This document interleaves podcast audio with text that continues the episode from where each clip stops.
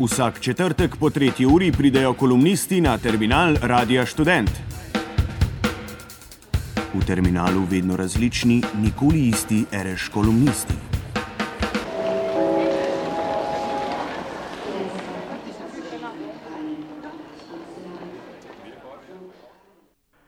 Slovenska vlada se je v zadnjem času lotila ekspresnega preoblikovanja slovenske politične krajine. Vladi naklonjeni mediji znova ustvarjajo kakofonijo neresnic in polresnic, v tej ideološki megli pa Janševi buldožeri rušijo in podirajo vse tiste temelje, na katerih je Slovenija počivala po osamosvojitvi. Začelo se je z odzivom na sodbo Evropskega sodišča za človekove pravice v izbrisanih, s katero je bila država po pričakovanjih obsojena in popolnoma pravilno postavljena pod drobno gled pilotske procedure, vse dokler sistemsko ne uredi izplačila odškodnin izbrisanim. Na to so sledili pregon zvezde kot totalitarnega simbola z proslave ob dnevu državnosti, izbrisi dela pokojnin nekdanjim borcem NOB, zaposlenim v LA ali nekdanjim organim federacije, preimenovanje vojašnic in tako naprej. Janez Janša je znova dokazal, da je tisti slovenski politik, ki v notranji politiki dosledno sledi politični filozofiji, ki jo je prvi definiral že Karl Schmidt. Omenjeni nemški pravnik je namreč menil, da je za politiko nujno jasno razlikovanje sovražnika in prijatelja in to v enaki meri, kot je za etiko nujno razlikovanje dobrega in slabega, za estetiko pa razlikovanje med lepim in grdim. Takšno osko razumevanje politike pa je seveda za današnji čas, ko je v svetu bolj kot kadarkoli potrebno medsebojno sodelovanje, posebno neprimerno, še posebej v primeru, če se politika utemeljena na tem razlikovanju poslužuje še popolnoma napačnih sredstev za dosego svojih ciljev. Poglejmo si za primer samo odzive Janeza Janše in njegovih oprod na sodbo Evropskega sodišča o človekovih pravicah o izbrisanih. Janša je po sodbi samo suho dejal, da država za izplačila odškodnin preprosto nima denarja. Ostala politična desnica je bila nad sodbo očitno povsem zgrožena, saj so zveste oprode predsednika vlade iz mandata v mandate širile pravljice o tem, da je popolnoma prav, da si lahko slovenski državljani odškodnine za potovčene okončine iztožijo za vsakim vogalom v državi, da pa odškodnine ni in ne more biti za ljudi druge rasi, ki so po pripričanju predsednika vlade Janez Janše ob osamosvojitvi niso želeli urediti svojega statusa ali pa so se celo borili proti Sloveniji. In čeprav je Evropsko sodišče sodbo jasno zatrdilo, da za najbolj množično kršitev človekovih pravic v Sloveniji niso bili krivi izbrisani, pač pa država in vlada, v kateri je v času izbrisa sedel tudi Janez Janša, je naš aktualni predsednik vlade znova zatrdil, da bo vlada storila vse, kar je v njeni moči, da slovenski davkoplačevalci ne bodo izplačali odškodnine izbrisanim, ter da marsikdo razmišlja, da bi bilo potrebno osamosvojitev z zamudo vendarle končati. Vprašajmo se torej, kaj nam torej sporoča predsednik vlade in kakšno je bistvo njegovega sporočila. Kdo so njegovi cilji in kakšna sredstva torej uporablja naš premijer? Glede ciljev ni težko ugotoviti, kam Janša meri. Očitno je, da Janša iz izbrisanih ljudi, ki so bili žrtve administrativnega etničnega čiščenja, ki ga je izvedla Republika Slovenija, znova pretvarja v agresorje in sovražnike te iste Slovenije. Kljub temu, da je bila celo na Evropskem sodišču dokazano, da so izbrisani zgolj žrtve, ne pa ljudje, ki so se borili proti Sloveniji. Ampak Janša jih ne glede na to strajno označuje se staro šovinistično retoriko in jih predstavlja v borbeni vlogi tem jih spreminja vojake v legitimni vojaški cilj napada. Da je ta njegova logika skrajno absurdna, kaže že dejstvo, da je bilo med izbrisanimi okoli 5000 otrok, ter da je prvi podpisani v dobljeni tožbi proti Sloveniji po poklicu čevljar, glede statusa pa apatrit. Le kako se otroci in čevljar brez državljanstva lahko borijo proti državi? Z žogami, z mentanjem čevljev? Logika predsednika vlade je očitno absurdna. Vse to kaže, da si naš predsednik vlade svet, v katerem živi, še zmeraj slika s posebno napačnimi barvami. Poglejmo si sedaj še drugi del Janševega nastopa, njegova sredstva, ki jih uporablja pri obračunu z izbrisanimi. Ko pravi, da bo Slovenija storila vse, da odškodnin ne bodo dobili tisti, ki so se borili proti Sloveniji, Janša žrtve po eni strani slika kot agresorje in s tem celo v vojni zaščiteno kategorijo civilistov slika v vlogi borcev.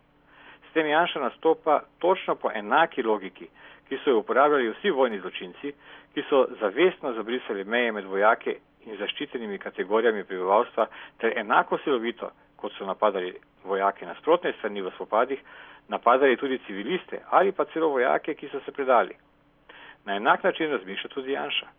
Ob takšnih Janšinih izjavah zato res je potrebno priznati, da se logika slovenskega predsednika vlade po svojih perverzni in z mednarodnim pravom skregani uh, logiki prav ničemer ne razlikuje od uh, razmišljanja množičnih zločincev v svetovni zgodovini.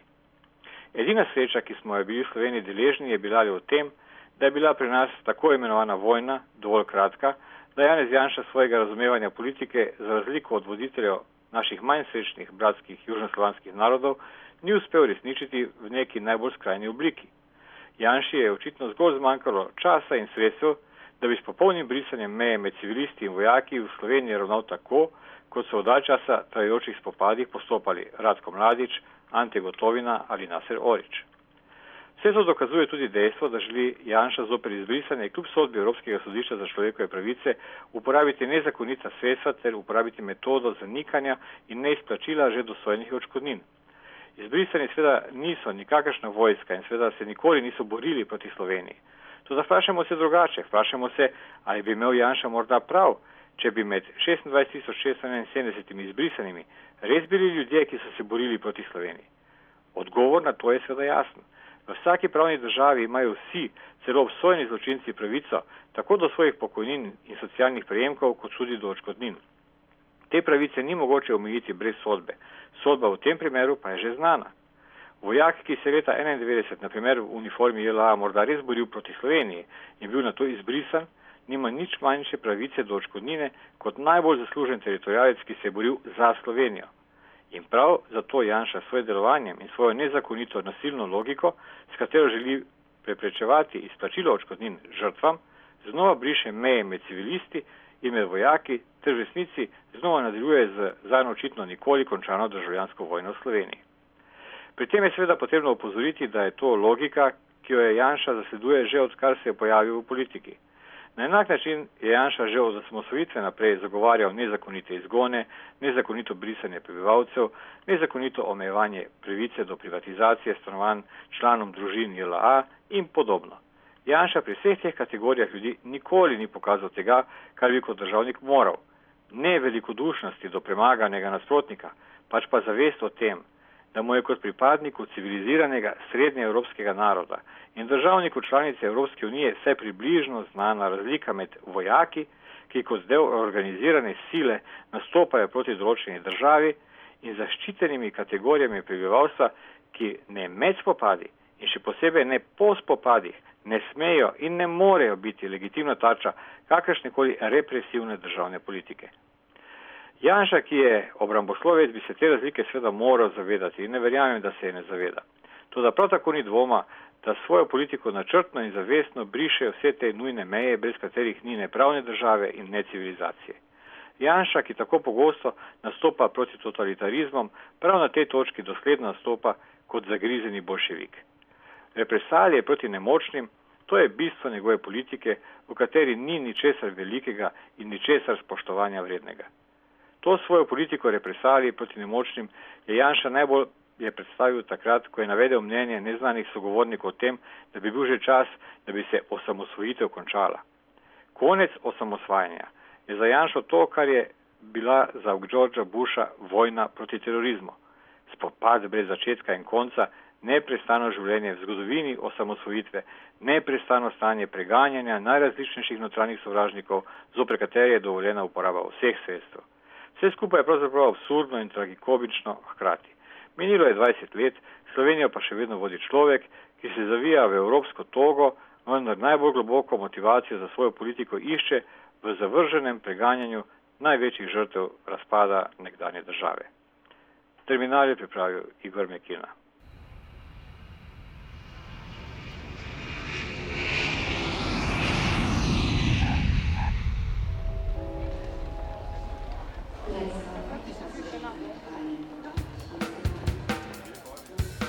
Vsak četrtek po tretji uri pridejo kolumnisti na terminal Radia Student. V terminalu vedno različni, nikoli isti, reš kolumnisti.